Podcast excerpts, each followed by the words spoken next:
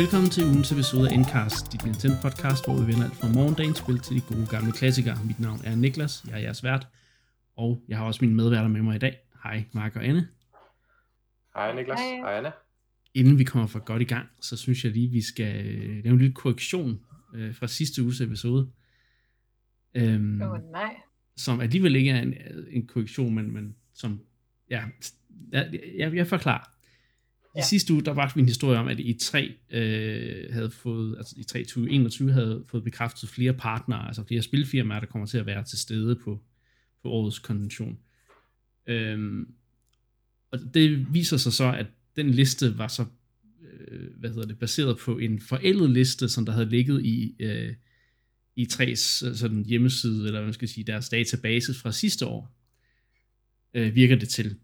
Og det, man, det kom så frem, at det, det var altså ikke korrekt, at de her partnere var, øh, øh ville være at finde på, på E3 2021. Men hvad, hvad så sker der så det, lige inden vi optager, at E3 så officielt melder ud på Twitter og på deres hjemmeside, at de her partnere kommer til alligevel at være til stede til årets event. Øhm, så, så ja, en, en korrektion til en korrektion, eller, om, eller hvad man vil. Øhm, men selvfølgelig, ja. synes, skal vi selvfølgelig lige understrege, at det er fordi, at den første, øh, det, det, det vi baserede den første, øh, hvad hedder det, historie på, er sådan set, var, var, var sådan set en, en forkert øh, kilde, eller hvad man skal sige, ikke? så det synes jeg lige, vi skulle, vi skulle korrigere. Um. Ja, for god ordens skyld, ikke? Ja. Altså, da vi optog der, var, var den historie simpelthen forkert. Ikke? Øh, jo, nu har den så vist sig alligevel at være rigtig, kan man sige. Det er jo så spøjst i sig selv. Ikke? Men, øh, ja sådan er det jo. Vi skal jo fortælle ting, der er rigtige, og ikke ting, netop, der er forkerte på, på de tidspunkter, vi snakker om dem. Så, øh, og tak i øvrigt øh, til en fast lytter af programmet, øh, KJ85, mener jeg, yes. øhm, for at gøre os opmærksom på, at historien altså ikke holdt vand. Ja, tak for det. Og det er vi øh, det er selvfølgelig super godt at få at vide, så vi, vi kan forbedre vores research øh, i fremtiden. Øhm, og så vil jeg stadig sige, at jeg er super glad for, at det så alligevel viser sig at være sandt. Så alt det hype, øh, vi, vi kørte med i sidste uge, det er, det er tilbage på sporet. ja, hype er intakt. Ja. ja, for god orden skyld, Niklas, skal vi måske lige gentage, altså hvad det var for nogle ekstra firmaer, der så er kommet ja. til i 3 bordet ikke? Jo, jeg, jeg finder lige øh, listen, så ikke jeg glemmer nogen. Øhm, altså, der er jo Square Enix, øh, som jo også havde inden, øh, for et par uger siden faktisk, allerede havde udtalt, at de ville være at finde på E3 på en eller anden måde. Øh, så er der Sega, der er Bandai Namco, Exceed Games, Rostrej Marvelous USA, øh, som udgiver mange af de her JRPGs, øh, Gearbox, øh, og så andre partnere som Freedom Games, DVSI, Entertainment, Turtle Beach, Verizon og Binge.com. selvfølgelig nogle af dem ikke... Det er ikke spilfirmaer, de sidste nævnte der. men, uh, de er ligesom med til at, skyde, uh, skyde ja, ting og det her kommer, og det her kommer også fra hestens egen mund, det er fra Netop. den officielle E3 øh, Twitter-konto, så her ja. i dag, mens det vi optager, så og det står det altså på, være god nok. på forsiden af E3's hjemmeside, så hvis, hvis den ikke holder vand den gang, så er der et eller andet, så, så, så, så er der noget galt. så er der nogen, der, der tvivler. ja. Nå, det var det kedelige af vejen. Ja, kedelige, ja. men alligevel øh, fantastiske. Øhm, vi skal snakke om, hvad vi har spillet. Øh, og vi starter med øh, et spil, der måske ikke er det mest oplagte at starte med, men øh, det er fordi, det andet store spil, det skal vi nok få snakket om.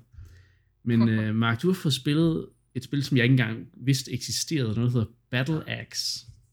Sådan er det jo nogle gange med mig. Jeg finder alle ja. de mærkelige spil, og så uh, har man lært efterhånden. giver jeg dem et forsøg. Ja. Uh, nej, Battle Axe, det udkom i, uh, i fredags på, på Switch blandt andre platforme, og uh, det fangede min interesse, fordi det lignede utrolig meget uh, nogle af de her gamle Super Nintendo, Sega Mega Drive, hack and slash spil. Mm. Så pixelbaseret, rigtig flot pixel art, produceret af en gammel rev i gamet, en der hedder Henk Nieborg, hvis man kender ham der har tegnet mm. det her øh, fantastiske grafik til spillet, havde sådan, øh, sådan klassisk, kan du sige, 80'er fantasy, sådan western fantasy vibes, ikke? så tænk sådan noget som Golden Axe og så videre, ikke? klart inspireret af, af den type spil. Det er jo sådan noget, jeg holder meget af, så da jeg så, mm. at det her Battle Axe øh, var på vej, som sagt med Henk Niborg øh, bag roret, så tænkte jeg, eller som tegner på projektet, så tænkte jeg, at det måtte jeg simpelthen give et, øh, et kig. Så det gjorde jeg. Det kostede det var jeg lidt overrasket over, og det, og det skal vi måske også vende tilbage til, hvorfor det er mit største kritikpunkt af spillet. Det kostede 200 kroner. Mm-hmm. Det jeg synes var ret voldsomt for et spil, der ikke så sådan super omfangsrigt ud, men jeg tænkte, ah, jeg giver det alligevel chancen. Øh, hvis det er en god Golden Axe-klon, så, øh, så, så kan det sikkert fungere. øh, men desværre må jeg bare konstatere, at spillet er altså skuffet en del, da jeg, da jeg fik spillet det. Mm. Øh, for det første er det et utroligt kort spil. Der er kun tre baner i spillet, altså du kan gennemføre det på ikke 45 minutter eller noget af den stil. Okay, det kunne man måske så også med Golden Axe, men alligevel det spil føltes bare meget større. Her går det ret hurtigt. Ja. Øh, det er sådan et top-down hack and slash spil. Øh, du har tre forskellige characters, du kan vælge mellem sådan en rogue, en øh, magiker og en, øh, ja, hvad skal man kalde den sidste? Det er sådan en eller anden stor fyr, der bærer på sådan en kanon, han kan skyde med. Øh, så der er egentlig nogle forskellige classes, øh, der er sådan både den ene er god i melee, den anden er god i ranged osv., så, så man kender det, så de har ligesom nogle forskellige attributter, diverse er gode til. Ikke? Og så kan man altså spille de her samme baner, samme kampagne, uanset hvem man vælger, spille den igennem. Øh, tager som sagt 45-50 minutter at gennemføre. Det er rimelig svært, så man skal bruge et par, par, par forsøg på det. Øh, og så er det ligesom det. Så er der en, infin, en infinite mode, eller man kan spille det igen, gå efter en bedre high score, whatever. Øh, men det er sådan set det. Lokal co-op mode, det er meget sjovt. Man kan spille to sammen igennem eventyret. Fungerer fint. Men altså sådan en ret i virkeligheden stram pakke, kan du sige, ikke? Øh, og ikke mm. nødvendigvis på den gode måde, fordi du har ret hurtigt set, hvad det her spil det har at, at tilbyde, og selvom det er flot, og det er flashy og så videre, så vil jeg sige, 200 kroner, det er godt nok prissat helt forkert, ikke? kunne man sige, havde det ligget omkring 50-75 kroner i det prisleje, så kunne det måske snige en anbefaling afsted. Som det er her, 200 kroner for Battle Axe, det, det synes jeg simpelthen er for meget. Nærmest okay. selv, hvis man er, øh, hvis man er altså, ligesom mig, tiltrukket af de her mm. klassiske western fantasy games fra, fra den 16-bit øh, æra. Ikke? Ja, det lyder øh, lidt uh, tyndt, hvis jeg skal være ærlig. Ja, det vil jeg sige. Så det er lidt synd. Som sagt, grafikken er fantastisk. Den, øh, den skuffer mm. bestemt ikke. Musikken er også fed og catchy. Gameplayet fungerer egentlig fint øh, simpel, øh, mindless hack and slash. Man kan mm. få nogle items, abilities, man kan bruge.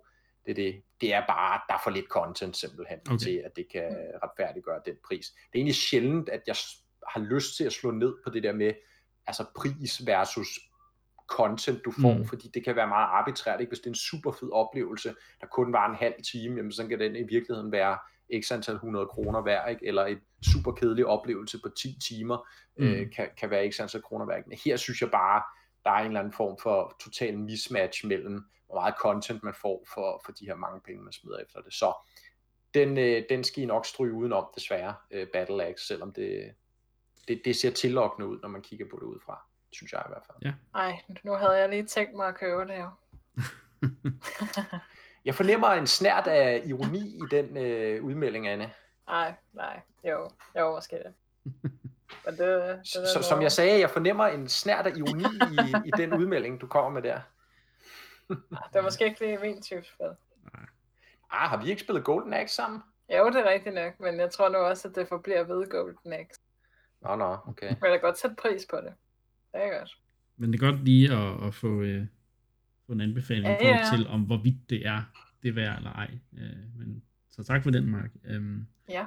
Nu skal vi så snakke om et spil, øh, som altså et af de helt nye store Nintendo-spil, øh, som er en efterfølger til en, en, en gammel Nintendo 64-klassiker. Det er jo selvfølgelig New Pokémon Snap, jeg snakker om. Og øhm, det var ellers meningen, jeg skulle have spillet spillet, da det udkom, men jeg, jeg kiggede på det og, og på stream og tænkte, det ser tillokkende ud, men jeg, jeg synes, min pengepunkt, den har lidt hårdt i den her måned, så jeg, jeg tror, jeg venter. ja. Men Anne, jeg ved, at du har samlet op. Jeg har jeg, jeg købte en på, på launch, og ja. har spillet lidt. Nu har jeg jo sådan rimelig travlt for tiden, så det er mm. sådan lidt begrænset, hvor meget jeg har kunnet nå at spille det, men det er sådan lidt svært for mig, for det er jo den her altså kult klassiker, ikke? og det har jo virkelig været spillet som, som for mig her, det som har været enormt vigtigt dengang, og virkelig mm. haft mange gode minder med det. Og så er det jo lidt det der med sådan, kan man, bære det ind i 2021? Kan, kan det blive det samme, eller ikke engang bare det samme, kan det blive det mere, der skal til for det? Det er ligesom sådan helliger, at man laver en ny udgave af spillet. Mm, yeah. øhm, og jeg vil sige, at langt hen ad vejen, så er der en hel del sådan forbedringer, og noget, der også sådan gør spillet mere sådan replayable, og, og, og ja, altså en, en hel masse, ikke, ikke så mange nye ting som sådan, men, mm. men sådan nogle små ligesom detaljer, det skal øh, også i vil sige, ja. så vidt jeg husker, er det jo udviklet af, af Bandai Namco, ikke? Jo, jo, jo, det er det. Så det er jo ikke engang Game Freak. Øh... Nej. Men ja, altså, det er enormt hyggeligt. Altså, jeg kan jo rigtig godt lide at udforske Pokémon-universet på nogle andre måder end bare mainline-spillene. ikke? Og det er jo virkelig en sådan en, en version af Pokémon-universet, hvor man rigtig sådan kan gå ind i sådan, måske nogle altså langt færre, men, men, men meget sådan mere detaljeret ind i nogle Pokémoners som natur.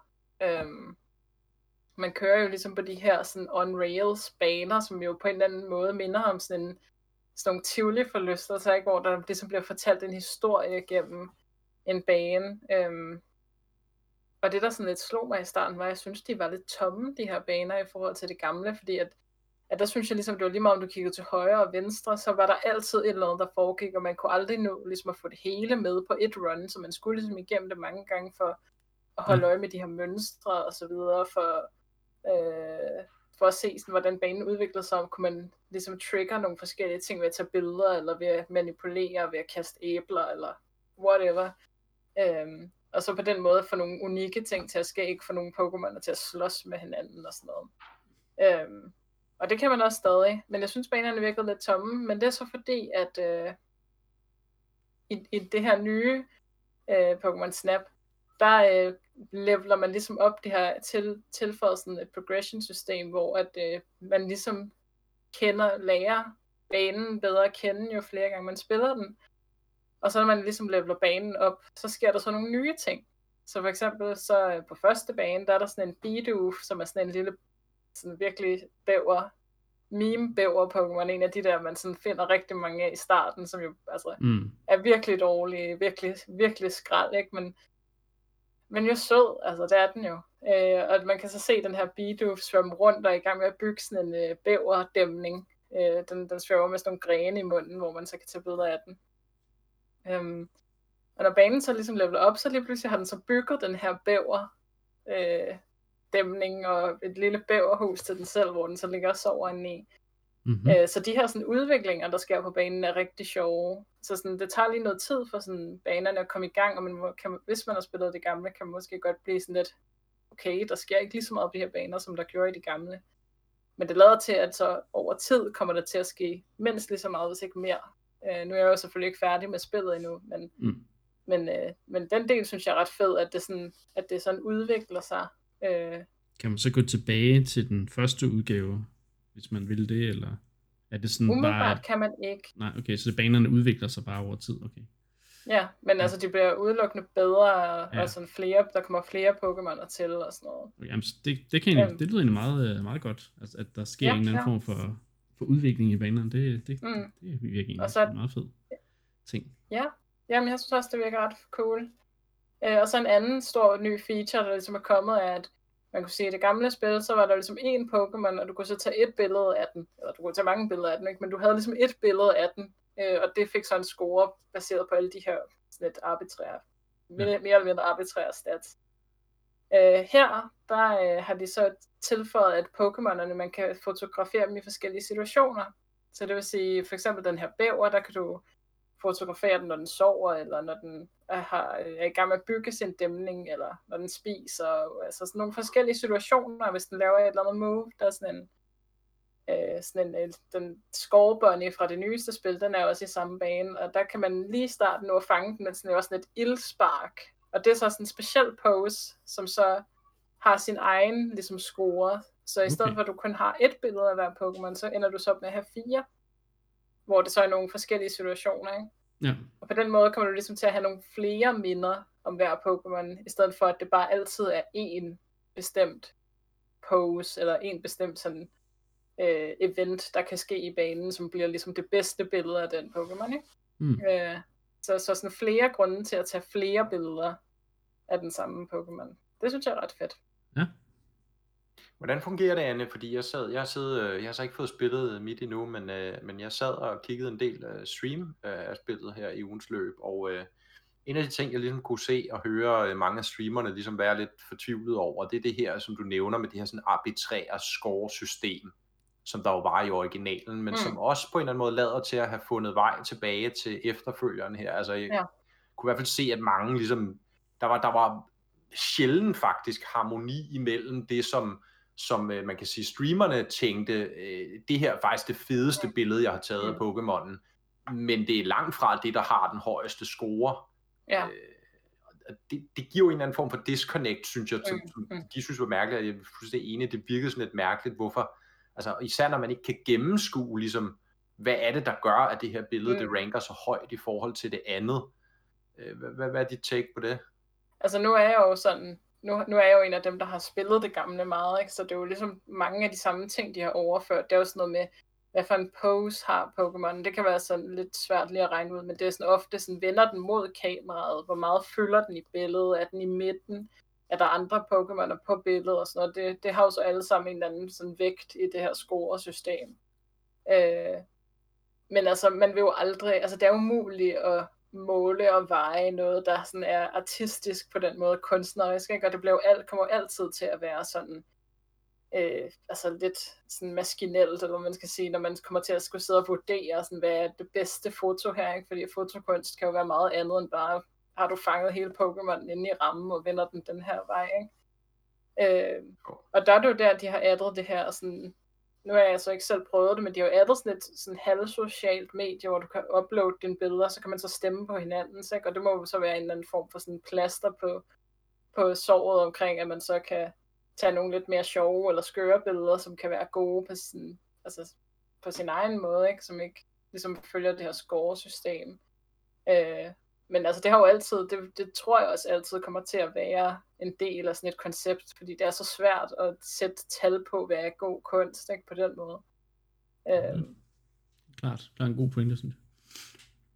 Så du havde ikke, altså man kan sige, du havde ikke de store udfordringer med ligesom at, altså fordi nej, man vil gerne, at man også sige, når der er noget progression, ikke, fint nok, man mm. kan, man kan gå efter at tage de billeder, man selv synes er pæne, ikke? men du snakker mm. også om, at der er det her pro- progression i spillet, at man vil gerne mm åbne op for nogle bedre baner og så videre, ikke? og det antager jeg ligesom kræver, at man, at man, øh, man klarer en, en vis performance eller hvad, for, for at komme videre. Ja, altså så er der heller ikke større forskel på, hvor meget, øh, altså hvor mange, mange point man får for et dårligt og et godt billede, vil jeg sige. Altså fordi, hvis du bare, altså, hvis du bare nogenlunde har Pokémon inde i framen, så er der måske, altså så er der sådan 1000 points forskel, ikke? så får du 4 eller 5000, og det er jo, altså, i det store hele kommer det ikke til at betyde så meget, øh, min sådan vurdering af det.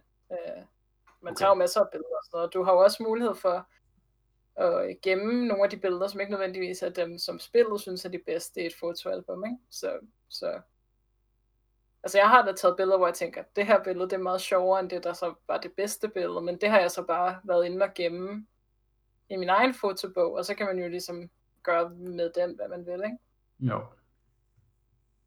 Men altså, ja, nu glæder jeg mig til at skulle spille det lidt mere videre, før jeg sådan kan give en endelig sådan vurdering af, om jeg synes, at, at de kommer i mål med. Ja, de kommer i mål med sådan en, en nyfortolkning af spillet, men jeg synes, jeg skulle ret, altså, jeg synes, det er et fedt koncept, og jeg synes, den her, altså sådan, den her fornemmelse af, at man nærmest er på sådan en Disney-land forlystelse, med sådan små historiefortællinger, der sådan kan gå igennem hele banen det har noget sådan helt unikt over sig, som man ikke ser andre steder. Øhm, så, så konceptet holder stadig 100%. Øh, vil det være fint nok for mig bare at tage det gamle frem en gang imellem? Ja, måske, men, men jeg synes det er fedt, at de prøver at, at genopleve det, helt klart. Hvordan med præsentationen, altså hvad grafikmæssigt og, og lydmæssigt, hvad, der har jeg hørt nogle forskellige øh, både positive og negative meninger. Ja. Øh, især at, at, at uh, grafikken øh, synes folk er rigtig godt om, men musikken måske er lidt øh, på den flade side. Mm. Jeg ved ikke, om du har bemærket altså, nu, jeg, har ikke, jeg, har ikke lagt, jeg har ikke lagt så meget mærke til musikken. Jeg lagde mærke til, at der var sådan uh, nogle uh, sådan, uh, callbacks til den oprindelige temamusik, som jeg satte pris på, men, mm. Altså, jeg ved ikke engang, der er musik, når man er ude at køre. Der lægger man meget mere mærke til sådan naturen og lyden omkring det. Okay, øh, ja. Grafikken synes jeg egentlig er meget flot. Mm. Altså, det er jo noget, noget her, man kommer til at se Pokémon'erne sådan allermest naturligt. Ikke? Det er jo ikke de her lidt stive øh, animationer, vi kender fra, fra kampspillene, eller til Avrand, eller de normale, hvad hedder det, Pokémon-spil, ikke? Mm. Øhm, så man ser dem jo med ansigtsudtryk, og sådan meget mere udtryksfulde generelt på nogle andre måder, ikke? Øh, så det synes jeg er rigtig fint. Nogle af karaktererne ser lidt underlige ud, synes jeg. Det er som om det ikke helt har nælet, sådan, hvordan karaktererne, øh, hvad der, deres visuelle stil er, men sådan, omgivelserne synes jeg er flotte, og på, især Pokémonerne kan mm. man godt se, der er meget ud af. Okay, jamen det lyder godt. Øhm, hvis vi lige bliver lidt ved, ved New Pokémon Snap, så kan vi snakke lidt om øh, nogle salgstal fra Storbritannien. Eller det, det vil sige, at jeg har ikke som sådan nogle tal, men på GameIndustry.biz, der har de øh, snakket lidt om, at det har, altså i den første uge, det kom ud, der har det været det bedst sælgende spil i øh, Storbritannien og har åbenbart solgt fire gange så meget, som originalet gjorde øh, i sin åbningsuge. Så det har klaret sig ret godt. det er jo et Pokémon-spil, kan man sige, så det er ikke fordi, det er så overraskende, men, men det skulle åbenbart klare sig bedre end nogle af de andre spin-offs, øh, de, de deres første uger, øh, de har været på markedet. Ikke? Så i de, i de store, altså i, på markedet i Storbritannien, skal jeg lige huske at, understrege. Ja, det er det eneste, vi har tal fra endnu. Ikke? Det er sjovt, fordi det er ikke det, det er sjovt, men det, det er stort set altid der, derfra, vi får nogle af de første tal. Ikke? Um, så. Jo, mm. de hurtige, de opgør det hver uge, så vidt jeg husker. Ja. Men, øhm, men ja, altså man kan sige, det skulle det jo også meget gerne, altså slå originalen, ikke? der jo. udkom til en platform med, med, med noget færre antal maskiner på markedet, og Nemlig. altså, der er trods alt gået, øh, ja, over hvad, hvad er vi oppe på? Ja, 20 år, 20 år ish, ikke? Lidt mere, øhm, siden originalen, så det skulle de jo meget gerne slå, ikke? men ja, det er da positivt at se, at det, det ikke er faldet fuldstændig igennem i hvert fald. Det, mm. det er jo et originalt koncept, som jo selvfølgelig, der er, en, der er sådan en, en lidt mindre dedikeret skare, sådan som os, mm. der husker øh, kært, ikke? og ligesom har gjort sit for ligesom at sprede budskabet af det her fedt, af det her spil, af det her koncept af, mm. er interessant og, og, og værd at prøve kræfter med, og så må vi ja. se, hvor mange... Øh, altså, det, jeg, jeg, er meget, jeg er meget enig i din kommentar, Anne, det her med, at jeg synes også, det, altså, det er jo også, jeg tror, jeg har nævnt det her før i programmet, Pokémon Snap er måske virkelig det Pokémon-spil, jeg har spillet allermest, øh, fordi jeg har jo ikke spillet så mange af de her mainline-spil, øh, mm. og, øh, og, og der, øh, og der, der er et eller andet ved det der koncept med, som du siger, man kommer tættere på Pokémonerne, ikke? at man kan, mm ligesom øh, udforske dem i deres eget terræn. Øh, grafikken er lidt mere detaljeret, ikke? det er ligesom den ja. der øh, forlystelsestur, man, øh, man, man skal ja. igennem, ikke? som jeg så også vil sige, øh, altså på en eller anden måde er jeg, kan jeg godt forstå, men på en eller anden måde er jeg også måske lidt ked af, at de stadig kun har det der on-rails system, ja. ikke? fordi det lægger unægteligt et element af pres, og du kan også sige næsten stress måske ned over gameplayet, ikke? At, mm. at, at hvis du ligesom du vil gerne tage det perfekte billede af en Pokémon, men du har altså kun et par sekunder af gangen måske til mm. at opnå det perfekte billede, fordi ellers så er vognen altså kørt videre, eller Pokémonen er skrevet, eller et eller andet andet, ikke? Mm, hvor man måske gerne vil have friheden til, øh, hvorfor ikke selv kunne køre den der vogn frem og tilbage, altså hvorfor ikke mm. kunne stanse den, og ligesom vente, observere på, at der kommer en eller anden øh, Pokémon øh, svømmende forbi, eller kravlende ned ad træet, eller et eller andet, ikke? Mm. Det mm. kunne have givet en, en, en ekstra dimension til gameplayet, synes jeg, i stedet for det bliver det der sådan lidt, det bliver sådan lidt meget arcade, og lidt meget sådan mm. high score chasing, som jeg ser det, øh, mm. med den her form for gameplay, ikke? at du skal skynde dig at tage billederne, du skal skynde dig at tage dem, der giver mange point, så du kan få nok point til at unlock den næste bane, ikke? Mm. i stedet for at dykke ned i det der, som, som jeg er rigtig draget af i konceptet, være i et med Pokémonerne, tage nogle rigtig flotte billeder, øh, få noget sjovt til at ske, og så videre, ikke? Øh, det kan være, det er bare mig, men, men, men det er sådan, det er i hvert fald min reaktion. Ja. ja jeg har endnu ikke øh, helt besluttet mig, om jeg springer på det endnu, selvom jeg både har set øh, Patrick fra, fra M-Club øh, streame det til Anton Eil, og så øh, også endda læst hans anmeldelse. Men jeg er altså ikke helt helt, øh, helt overbevist nu om, at øh, jeg, jeg skal smide øh, pengene, men øh, det kan være, det kommer. Det ja. det kommer. Øhm, vi bliver lidt ved, ved salgstal og den slags, fordi der har jo øh, været øh, kvartalsregnskaber. Det er ikke bare i hvilket som helst kvartalsregnskab for Nintendo, det er sådan set også finansårs øh, opgørelse, så øh, vi kan ligesom se, hvordan Switchen og ja, det hardware, det software, der er ud på den, har klaret sig det sidste øh, års tid, øh, sidste finansår. Øh, og det er jo altid spændende at se, hvordan det, hvordan det går. Det, og det går godt, må man jo bare konstatere, fordi øh, nu har Switchen så solgt øh, 84,6 millioner enheder totalt. Og er nu, øh, den er solgt bedre end Game Boy Advance nu, og er, så vidt jeg kunne forstå, den fire bedst sælgende Nintendo-konsol lige nu. Så... Ja, så det er, efter, det er efter hvilke øh, maskiner tilbage, og her taler du også de håndholdte, ikke? Jo, det er det, er det hele. Øh... Så det er jo efter Wii, og det er efter DS. Øh, DS er jo højdespringeren, ikke? Jo. Øh, og det er efter Wii, og hvem er så den, den sidste, der ligger foran den? Det må det være... 3DS? Ja. Nej. Nej, den, er, den, er, den skulle gerne være overgået det. Ja. Det, øh, det finder lige ud af, mens vi snakker videre. Øh, men, men ja, altså... Skal vi se, hvor meget har, det, hvor meget har den solgt det sidste år? Det er jo det er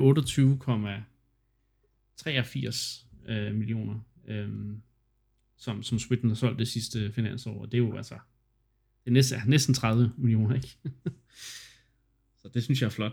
Øhm. Jo, altså, du kan, du kan, man skal måske have noget perspektiv på det her. Altså, de ja. havde regnet med at sælge 26,5 millioner. Ja, ja, for, det er forecast. Ikke? Og, de, øh, og de, de endte med at sælge 28,8, ikke? Jo.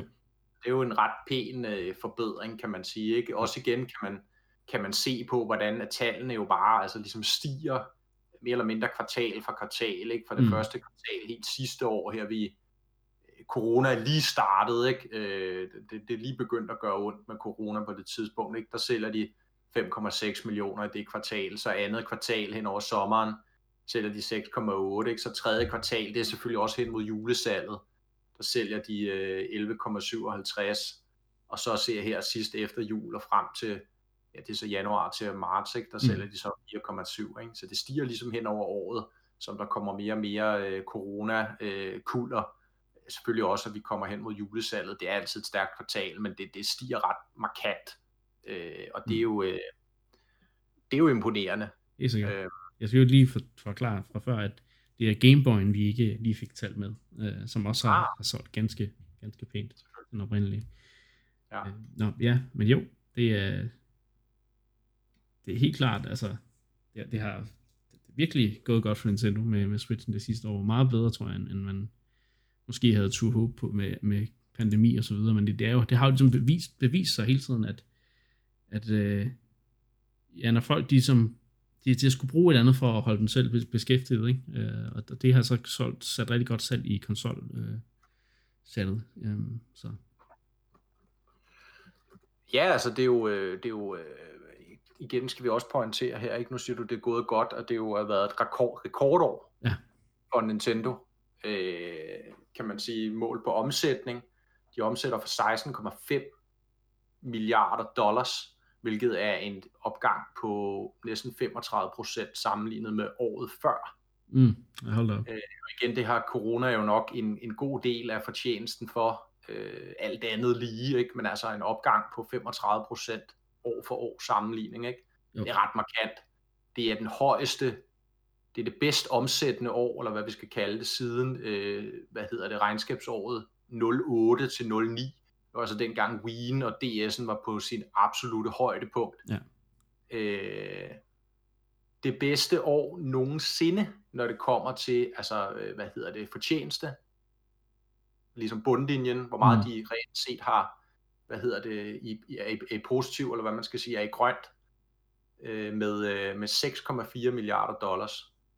Det er jo svimlende tal, vi, øh, vi, ja. vi taler om her. Ikke? Så øh, jo, jeg tror, de er ovenud fræse, om på den anden side af kloden. Øh, det er et øh, på mange måder vildt år for Nintendo. Ja.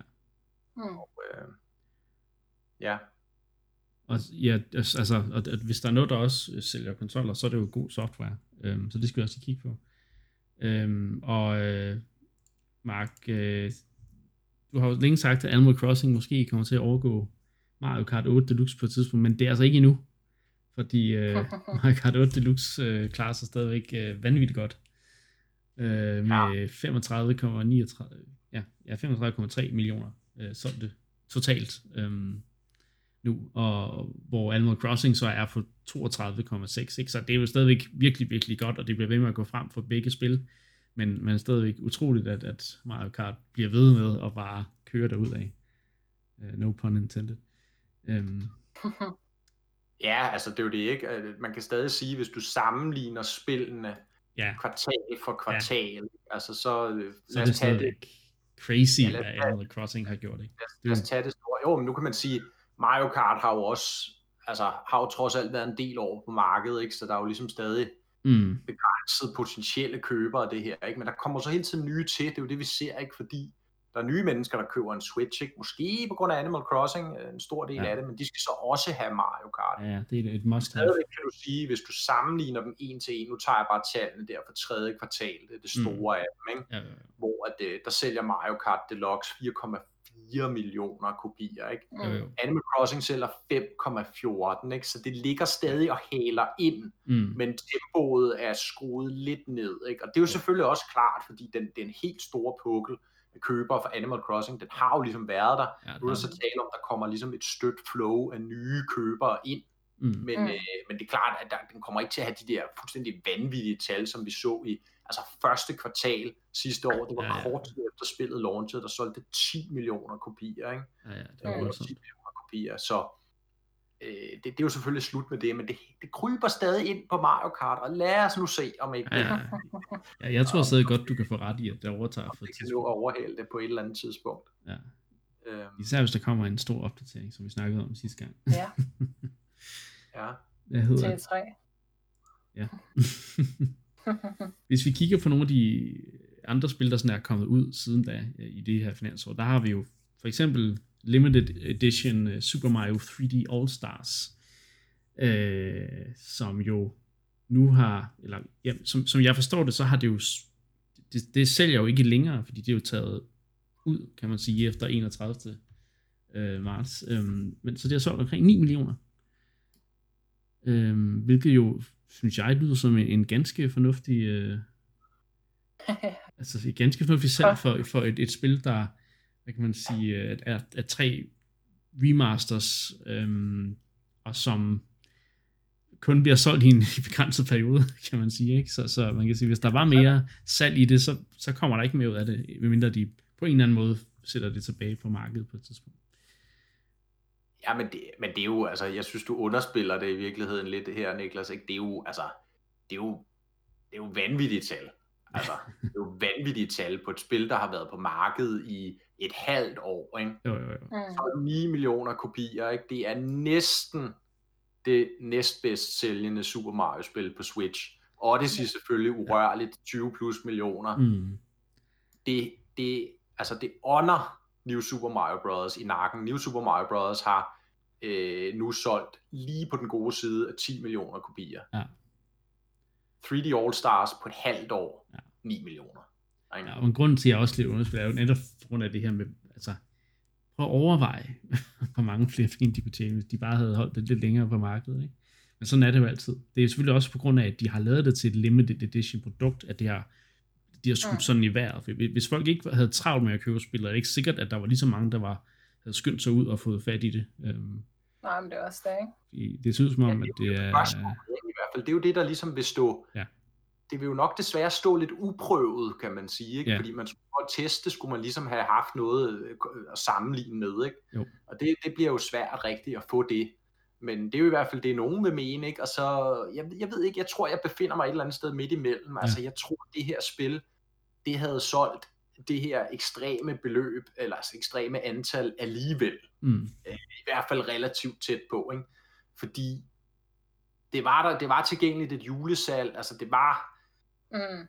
Der er en stor Switch install base allerede og så videre. Altså, selvfølgelig, den, det mister nok noget long tail på det her, ikke? Men, øh, men men alt andet lige, altså, det, det, er et spil, det er jo et spil, som ligesom skyder direkte ned i sådan en over af nostalgi, det er jo klart, ikke? Jo. Øh, også nogen som os, ikke? Men, men også jo mere bredt, utrolig mange mennesker, der har været flettet ind i gaming i en eller anden form, må kende de her mm. spil næsten øh, på en eller anden måde, ikke? Og øh, altså, jeg ved da selv, mine barndomskammerater og så videre, der har, hvad hedder det, været hjemme hos mig og spille uh, Nintendo, aldrig haft selv senere købt ind på det, øh, har også købt det her spil, ikke? for de kan selvfølgelig huske, at vi spillede Super Mario 64 og Sunshine og så videre øh, dengang, da vi var børn. Ikke? Og der, der er bare en stærk nostalgi omkring den her pakke selvfølgelig, og, og det er helt klart en af de store, det tror jeg i virkeligheden er den allerstørste forklaring på, hvorfor det klarer sig godt, mere i hvert fald end, end det her fear of missing out øh, syndrom, som, som, som mange ligesom gerne vil lægge ned over det. Ikke? Mm. Mm. Ja, altså jeg kender også flere, som ikke engang var klar over, at, øh, det, ikke, at, var, at det var tidsbegrænset, ikke? Jo. Som så øh, har misset det, eller... Det er jo så mere kritisk, ikke, i virkeligheden. Jo, jo. Jo. Altså så kan man jo klippe af, noget, af, af en masse mennesker, som måske ikke engang har forstået, at, at det ikke er tilgængeligt for evigt, ikke? Nej, det er jo også en, en lidt mærkelig sådan tilgang. Altså, fordi de fleste går ud fra, når et spil bliver sat på markedet, så kan de købe det ind til det spil ikke bliver produceret længere. Øh, Mm. Og det er jo, den, den periode er så bare markant kortere i den her situation. Ikke? Men, øh, Mm. Mm. men ja. Hvis vi bliver lidt ved, ved Super Mario, øh, så Super Mario 3D World plus Bowser's Fury, som jo udkom tidligere på året, det har solgt øh, 5,59 øh, millioner kopier. Og øh, det vil sige- at det nærmer sig faktisk allerede nu øh, det totale Wii U-salg for det spil. Hvilket jo er, ja igen, det, det, det, det sker jo næsten gang på gang øh, med, med de her genudgivelser, ikke? Men, men altså, det, det viser bare igen, at Switchens install base er jo bare så meget større, så, så det, altså, der går ikke lang tid før, at, at det spil har solgt øh, mere end det, tror jeg. Men om det kommer til at nå op på Odyssey af dem, det, øh, det må vi jo se, det, hvad, hvad tiden bringer der. Men, øh, Ej, det er også en stærk start, ikke? Åh jo, Og det er, det er det. nok en stærk start, ikke? På, over 5 på millioner. ikke engang, ikke engang et, et helt kvartal, kan du sige, når det at være med, ikke? Ja. Der, øh, der, der sælger det fem, over 5,5, ikke? Mm. Der kan du så ekstrapolere op sammenlignet med 3D All-Stars og sige, at det har været på markedet i tre kvartaler, ikke? og det, det ligger omkring de ni, og 3D World plus Bowser's Fury ligger allerede efter øh, et, et knap et enkelt kvartal på, Mm. på 5,5. Ikke? Jo. Så jeg tror, at 3D World den kravler godt deroppe af, og skal nok også nå over hele øh, 3D All-Stars muligvis. Det, Ja, ja, det tror jeg det, det kunne jeg også godt se. og New Super Mario Bros. også måske. Ikke? Det, det er jo også drevet af den her positive word of mouth, ikke? og også det her lidt Mm. kuriosum af et eksperiment, som det her Bowser's Fury jo er. Mm. Det, det, det alt andet lige, hvad man, så, om, man, om man kan lide det eller ej, så, så er det jo sådan lidt, hvis man er Mario-interesseret, så skal man ligesom prøve det her skøre eksperiment ned i Mario-universet. Mm. Så, øh, så ja, det, det, det er virkelig stærk performance også for, for det spil, må man sige. Helt sikkert. Øh, af andre interessante oppositioner har jeg udvalgt nogle spil, der, øh, som vi har snakket om tidligere. Øh, Ja, altså jeg bliver, jo, jeg bliver jo nødt til at fremhæve min darling fra forrige år, er det jo mit årets spil fra forrige år. Ja. Øh, det kære Ring Fit Adventure. netop. Det er et af de spil, jeg også har, har, har, Ja, har taget så med. du har rundet 10 millioner solgte kopier. Mm-hmm. Mario til den. Der skal altså øh, laves noget fitness, øh, noget træning hjemme i, i, i coronastuerne, havde jeg lyst til at kalde det. Hjemme i folks isolation. Ja. Øh, fængsler, eller hvad vi skal kalde dem. Og det har jo været svært at få fat i øh, for mange, i, i de, de, fleste steder i verden faktisk. Så jeg Ja. havde en, en veninde, der ventede to måneder på sit, før hun fik det. Øh, så altså...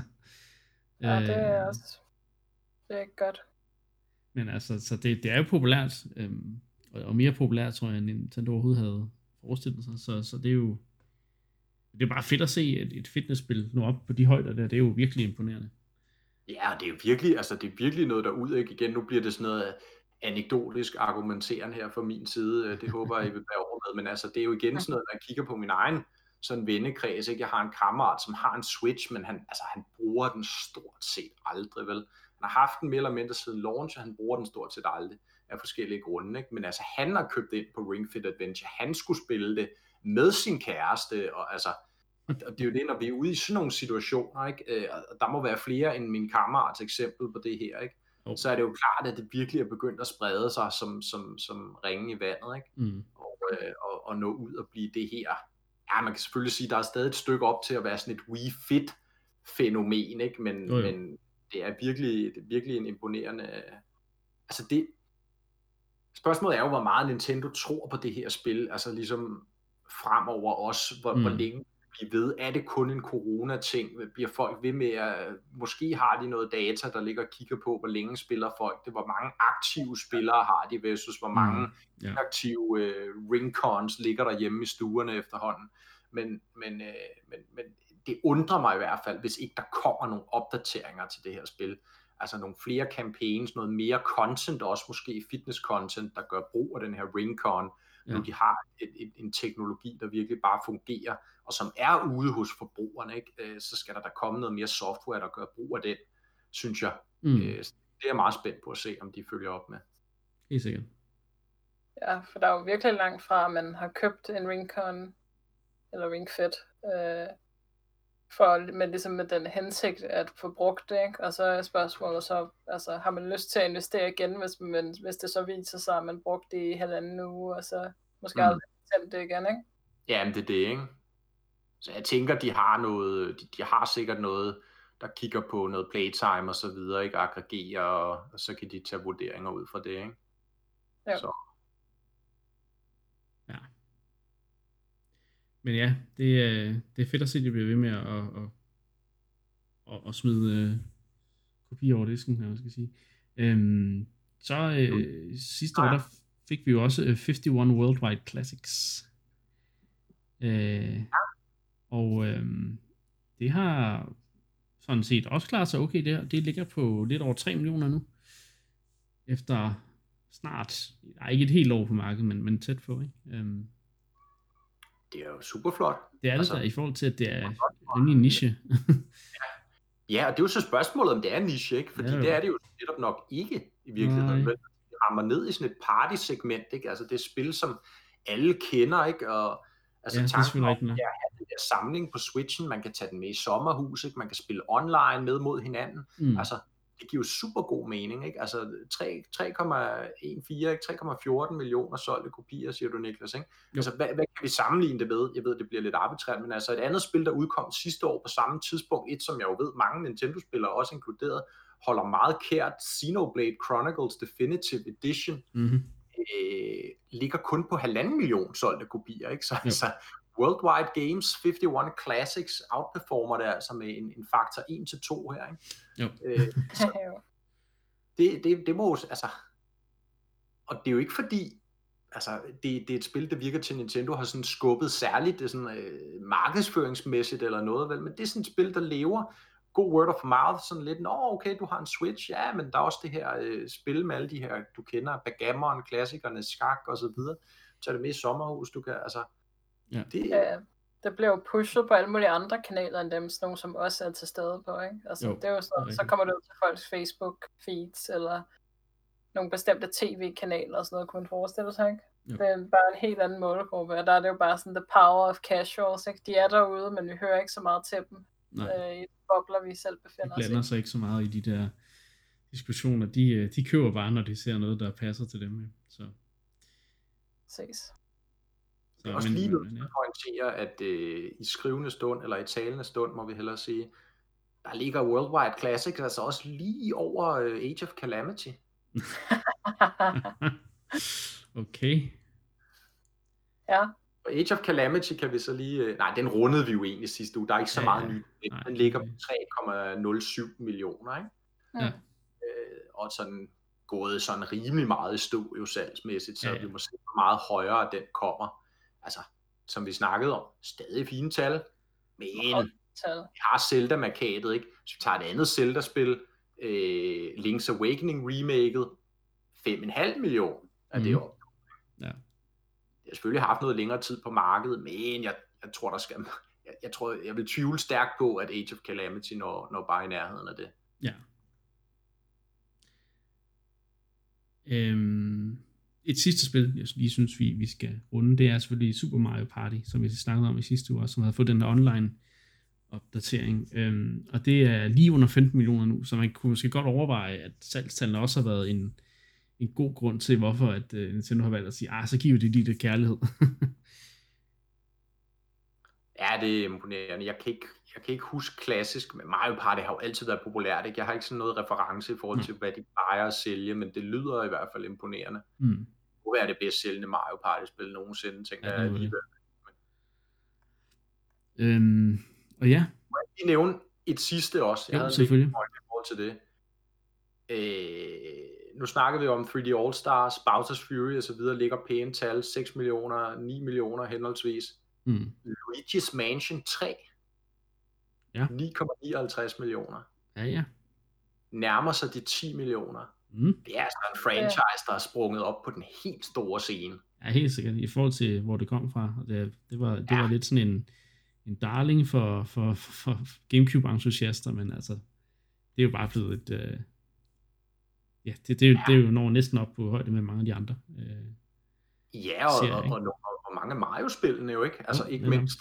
Så altså, mere end Super Mario Maker 2 i øvrigt, som ikke engang mm. er nævnt endnu. Altså, Nej. Det, er jo, det er jo virkelig imponerende. Altså, der tror jeg, der, der sidder man nok også og er glad over hos Next Level Games. Nu købte Nintendo dem jo så mm. også. Ja. Øh, snakkede vi om tidligere på året. Ikke? Men altså, jeg tror, mm de er i hvert fald, øh, de ved, hvad de skal lave de næste mange år i hvert fald, så længe at, øh, at ja. det der, det, det, det holder sig. Helt sikkert. Ja. Og, og vi bliver altså lidt stadigvæk i, øh, i den her, det her med salgstal og så videre, fordi altså, det er jo altid spændende at se, hvordan det går, men, men uh, inden den her rapport faktisk kom frem, der, um, der var en Nikkei, det her japanske uh, medie øh, ude og, og sådan rapportere omkring, øh, hvad hedder det, det her forecast, øh, og det viser sig så åbenbart, at, at det ikke er helt det samme, øh, som, som det Nikkei, de rapporterer. De, de snakker omkring, at, at der, der skulle, at man kan sige, de snakker om, at Nintendo vil producere 30 millioner Switch-enheder det næste finansår, altså i, til 20, øh, 22 må det jo så være, ikke?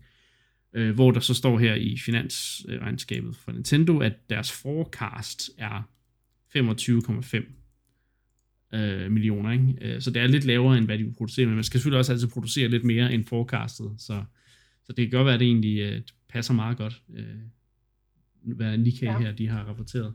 Og så de, de er jo så også ved med, at de, de, de, de puster mere til ilden omkring den her øh, Switch Revision, der siger, jamen det er simpelthen stadigvæk planen, at Nintendo de skal lancere det her øh, det, det her produkt, som, som alle går og snakker om, som de eneste, der ikke snakker om, det, det er sådan set Nintendo, ikke? Uh, stort set, så...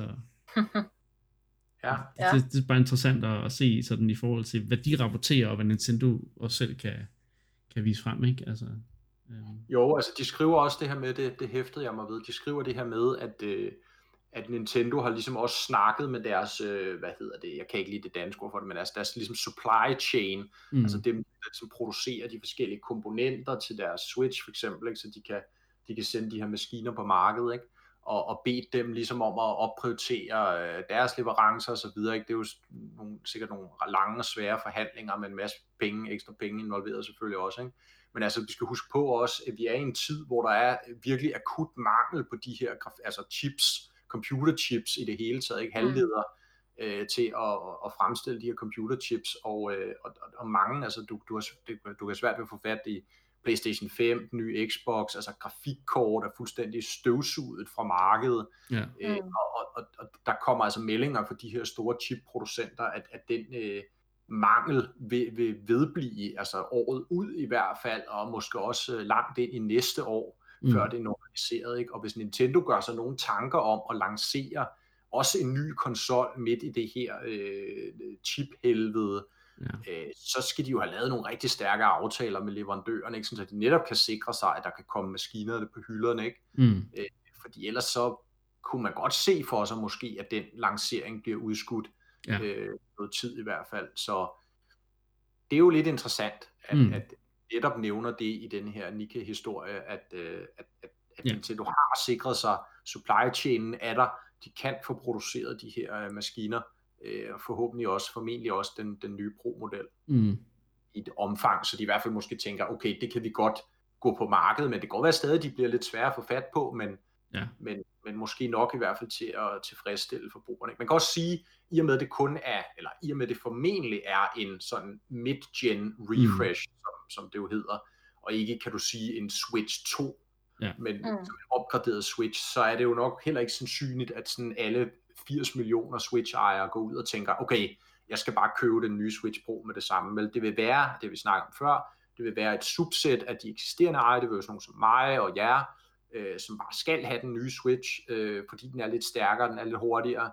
Mm. Øh, mm. og, og, og det er måske igen, hvad skal vi gætte på, 10-15 millioner af, af de samlede Switch-ejere tops, vil jeg næsten skyde på. Ja. Øh, der, der er det her potentielle købersegment. Ikke? Og det er måske nok til, at de kan, øh, de kan levere det inden for sådan en ja, launch-periode. Ikke? Øh. Jo, det er det. Altså, det behøver ikke at, at være de her det helt store uh, supply i, i Nej.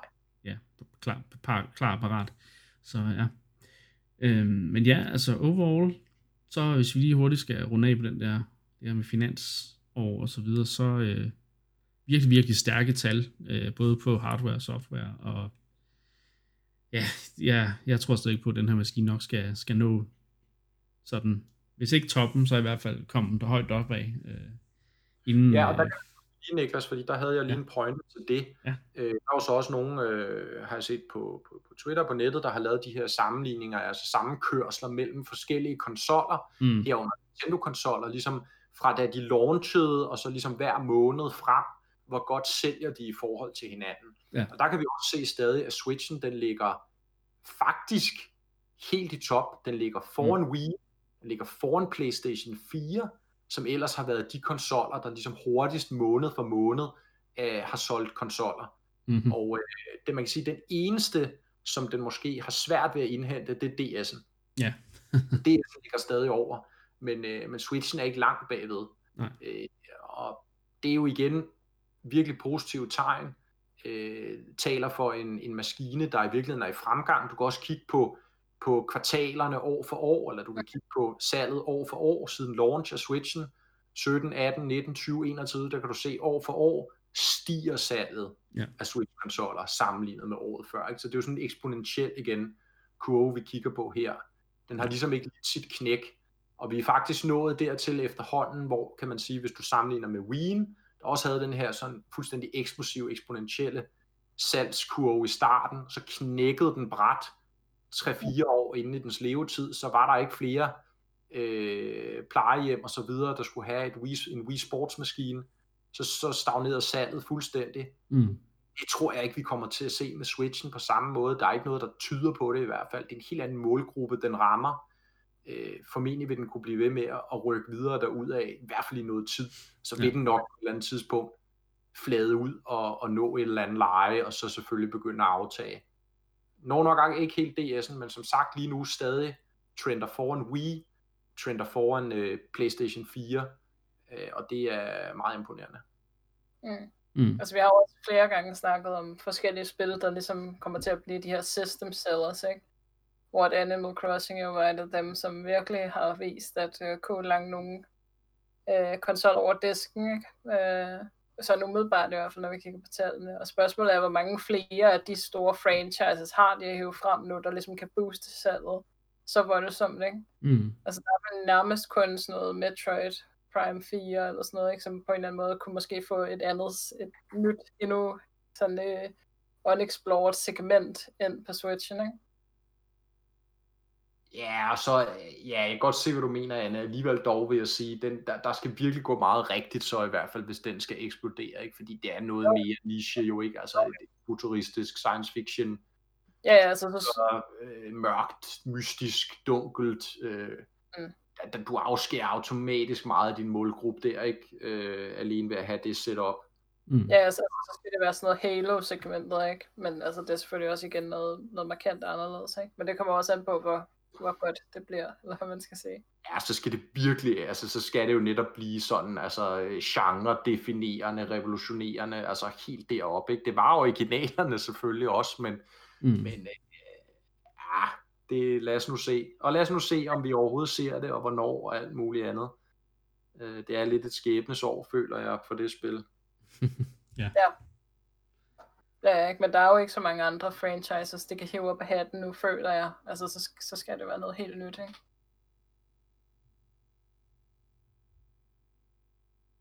Ja. Ja. Men øh, For så må man jo bare øh, håbe, at, at det, ja, ja, altså i hvert fald på, på hardware, der kan det godt være, at der sker en anden form for nedbremsning på et tidspunkt, men softwaren skal nok blive ved med at køre, øh, køre godt derud af, hvis, øh, hvis der bliver ved med at komme nye spil til de segmenter, der, der allerede jeg har købt ind på den. Ikke? Så, Jo, jo, helt sikkert. øhm, ja. Og så her, øh, som det sidste, vi skal snakke om i dag, øh, der, der har Nintendo faktisk lige annonceret et nyt spil, der udkommer til sommer. Øh, i juni allerede. Øh, og det er det her, der hedder Game Builder Garage. Som, Nå, det. Ja, det som alle har hørt om. Nej, det er altså en helt ny out of the blue øh, annoncering, øh, men alligevel så Nintendo-agtigt, som det nærmest bliver. Øhm, og det er et øh, det er en game maker engine spil, øhm, hvor man øh, lærer sådan koncepterne bag programmering, hvor man ligesom selv sætter ting sammen og siger, at den her styrepind skal kunne styre det her på den her figur og ting og sager, via sådan nogle, øh, det er sådan nogle øh, hvad hedder det, øh, wireframes nærmest, øh, hvor man sætter op på det, og så kan du så lave både 2D og 2,5D spil øh, i den her lille, ja, i det her lille spil, som så også er en, en, en spil, øh, spilmotor. Ja. Lav dit eget spil med Nintendo. Øh, og lær, lær, lær spildesign og sådan koncepter bag programmering og ting og sager. Altså, Nintendos egne udviklere har også været med ind, ind over det, øh, sådan, som sådan en form for educational game, ikke? Og det, det, det ser virkelig øh, charmerende ud, og jeg, jeg, jeg, jeg tror faktisk, jeg er på, jeg er på nærmest day one, fordi jeg har også spillet meget Mario Maker, og det, det synes jeg også var, var noget af det, det, det fede ved det, var også selvfølgelig nogle af de der guides, som, som Nintendo selv havde designet og så videre til at lave, lave gode baner og ting, og så jeg synes, jeg synes det, er, det er virkelig fedt. Um, så jeg, jeg ser frem til det.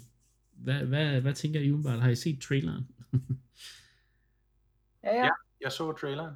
Altså, jeg tænkte, der er noget Labo-genbrug her, ikke? Ja. Fordi så vidt jeg husker, så havde Nintendo Labo havde noget af den samme funktionalitet. Ja, det er rigtigt. Øh, så, så jeg tror, der, der er ligesom noget, kan du sige, noget koncept der, som de har valgt at genbruge nu, hvor Labo jo desværre ikke er en ting længere jo. Altså, det er jo nærmest helt altså, øh, udslettet fra ja. jordens overflade, ikke? Øh, Jo. desværre. Øh, Det var åbenbart et, et flop. Øhm, men, men så lever det her koncept så videre, og det er jo fedt, og ja, det er da super oplagt. Jeg synes, det er Mhm. mærkeligt i virkeligheden, der har skulle gå så længe, før Nintendo er kommet ud med det her koncept. Ikke? Dem, som jo i den grad går op i ligesom game design og det at ligesom øh, lave et godt spil først og fremmest, og så Mm. mm. komme de der ekstra ting på bagefter med historie og grafik og lyd og så videre. Ikke? Det skal ligesom støtte op omkring en fed spiloplevelse. Ikke? Jo. Men også med deres sådan familieorientering, altså også mod det yngre segment og så videre, har muligheden for ligesom at lære fra en ung alder, ligesom børn, der måtte være interesseret i at lære at programmere, hvad er det for noget, koncepterne bag og så videre, hvad gør Mm. man? Mm. Det er jo, som du siger, det her koncept, der er baseret, ja, det er jo sådan en form for, kan du sige, visual scripting hedder det jo ikke, altså inden for, for programmering, hvor, som du siger, man skriver ikke ligesom koden linje for linje, men du har nogle kasser, der ligesom repræsenterer de samme ting, du kan skrive linje for linje. Har du bare nogle kasser, hvor du drag and dropper nogle pile imellem, sådan siger, nu skal du gøre denne her handling, den skal så gå over til denne her handling, så Mm. trækker du en pil over til en anden kasse, hvor der så måske skal være to forskellige udfald, afhængig af, hvad spilleren gør, så går der så to pile ud til nogle nye kasser, så det ligesom forgrenet sig, og så videre og så videre derudaf. Ikke? Jo. Øh, kan sætte grafikobjekter op, lydobjekter, styringsobjekter, alle de her forskellige elementer, som nu engang indgår i et spil, ikke? Mm. på denne her visuelt mere sådan måske øh, let tilgængelige måde, eller det er det helt Mm. sikkert, øh, end, end det der med at skulle sætte sig ned og begynde at skrive linje for linje, og så forstår man ikke noget virker, fordi man har glemt et semikolon et sted, eller altså, Mm. de, de slags ting, der er forbundet med sådan mere, kan du sige, traditionel programmering, ikke? der er det her sådan et meget højt abstraktionsniveau, og det passer jo perfekt til, til formålet, vil jeg tro. Jeg er også meget spændt på det, jeg, jeg skal også helt sikkert give det et kig, Ja. Øh, det, det er klart. Og så øh, Ja. er det interessant nok, fordi at, at øh, det, prisen kommer til at ligge omkring de 300, øh, hvilket jo er ja, lidt lavere end de, de store Nintendo-spil, men alligevel, altså, øh, det er, der er også noget, man, man skal lægge nogle penge for at komme ind i det, men det, jeg, jeg tror stadigvæk, det, det kommer til at, at være, altså det, det, det er en fin, fin pris for det, du får. Altså, ikke, det er ikke for at kritisere Mm. det, det er bare for at informere Men man- os. Hvad siger du? Ja. Jamen, jeg der bare for at knytte en kommentar til det, så øh, altså, det, er jo, det er jo også noget, hvor at, øh, at, man har jo konsollen i forvejen, ikke? og hvis man ud og kigge på nogle alternativer til at kunne lave sådan noget her ikke? så skal man investere i noget mere udstyr, ikke? i nogle Mhm. computer eller, eller whatever. Ikke? Her Ja, har du ligesom hele pakken i sig selv, hvor du kan gå fra at programmere spillet til at spille spillet inden for samme sådan, økosystem, hvor du også Mm. øh, altså som du allerede har i forvejen derhjemme, ikke? så det er jo en utrolig nem tilgængelig måde ligesom at komme ind i det på, Helt sikkert. og så en utrolig sådan, øh, altså en utrolig høj kval- kvalitet, ikke? hvis vi kender Nintendo ret i hvert fald. Og så, så en sjov detalje er, at det kommer til at understøtte USB-mus, øhm, så, man, så man kan sætte en mus til sin Switch, og så kan man øh, på den måde have lidt nemmere ved, hvis man ikke, altså så kan man både spille det i håndholdt og i, og i ikke håndholdt, fordi det, det synes man, man bruger øh, touchskærmen til at lave de der connections og ting og sager. Man kan sikkert også bruge en controller, men, men øh, meget, meget interessant, at de har valgt at sige, at du kan også sætte en mus til. Jeg tror hurtigt, man bliver sindssyg af at skulle sidde med sin analog pind der ja, og trække ja, ja, ja. mellem kasser, ikke? Det gjorde man i hvert fald i Mario Maker. de der små uh, tilslutningspunkter der. Ja. Så, så tror jeg helt sikkert, det, der har man brug for en mus, eller ja, touch, touchpadden, hvis man sidder med det håndholdt. Mm, ikke? ja.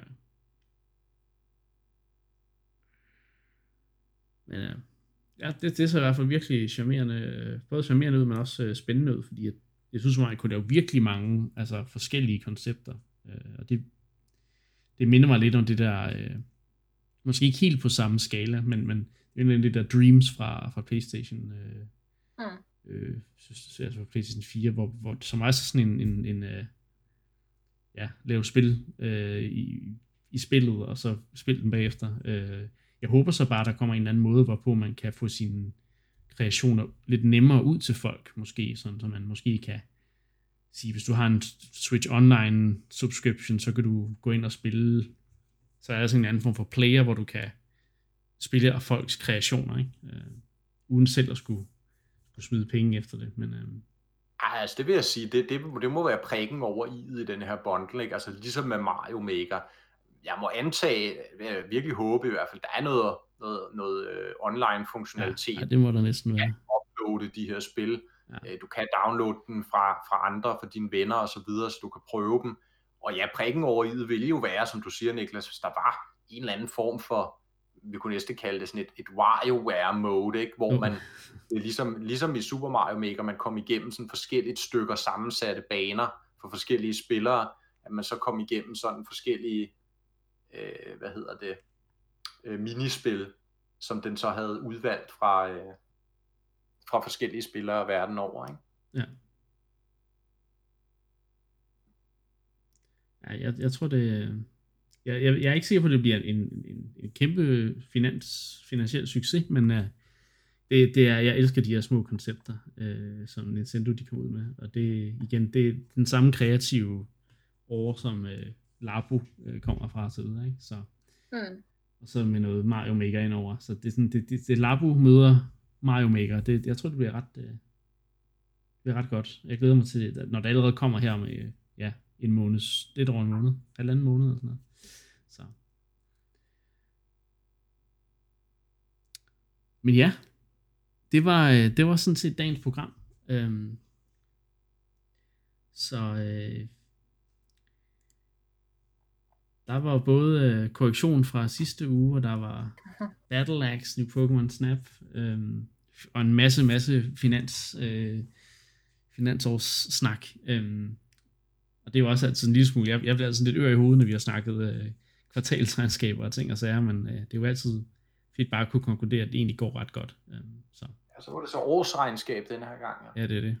Men det bliver man ikke mindre ør af. Nej, det gør det nærmest kun her. så, men ja. Men ja, vi fandt ikke tid til retro i dag, kunne jeg så forstå. Nej, ikke i dag, men øh, vi skal nok, øh, det er ikke fordi vi, vi er løbet tør for, for retrospil. Vi, øh, vi skal nok vende tilbage med endnu mere øh, retro øh, i næste uge. Så øh, medmindre der sker et andet helt crazy øh, inden for Nintendo, men det, jeg tror, som vi har snakket om, de gemmer nok de helt store ting til E3 nu, ikke? Så øh, der går Ja, nok... Øh, Kører hype-toget. det gør det. Det, Ja, det, ja, det, det får ja, nu, var det, nu var det officielt, rigtig officielt. Det var lige ved at derail. X, Sega, alle de andre ekstra ja. kom på. Ja. Bandai Namco. Så Vi er tilbage på sporet. Hype, hype, hype er tilbage på sporet. Så, øh, Det står aldrig. Ja. Inden vi uh, slutter, skal jeg selvfølgelig huske at sige, at hvis man ikke havde uh, opdaget det, så kan man altså også lytte til vores podcast på Spotify og iTunes. Udover at man selvfølgelig kan hente det ned fra Endclub, eller høre det direkte på hjemmesiden. Um, og med det, så har jeg ikke mere uh, for i dag, så jeg vil bare sige tak fordi I lyttede med, og så lyttes vi ved næste gang.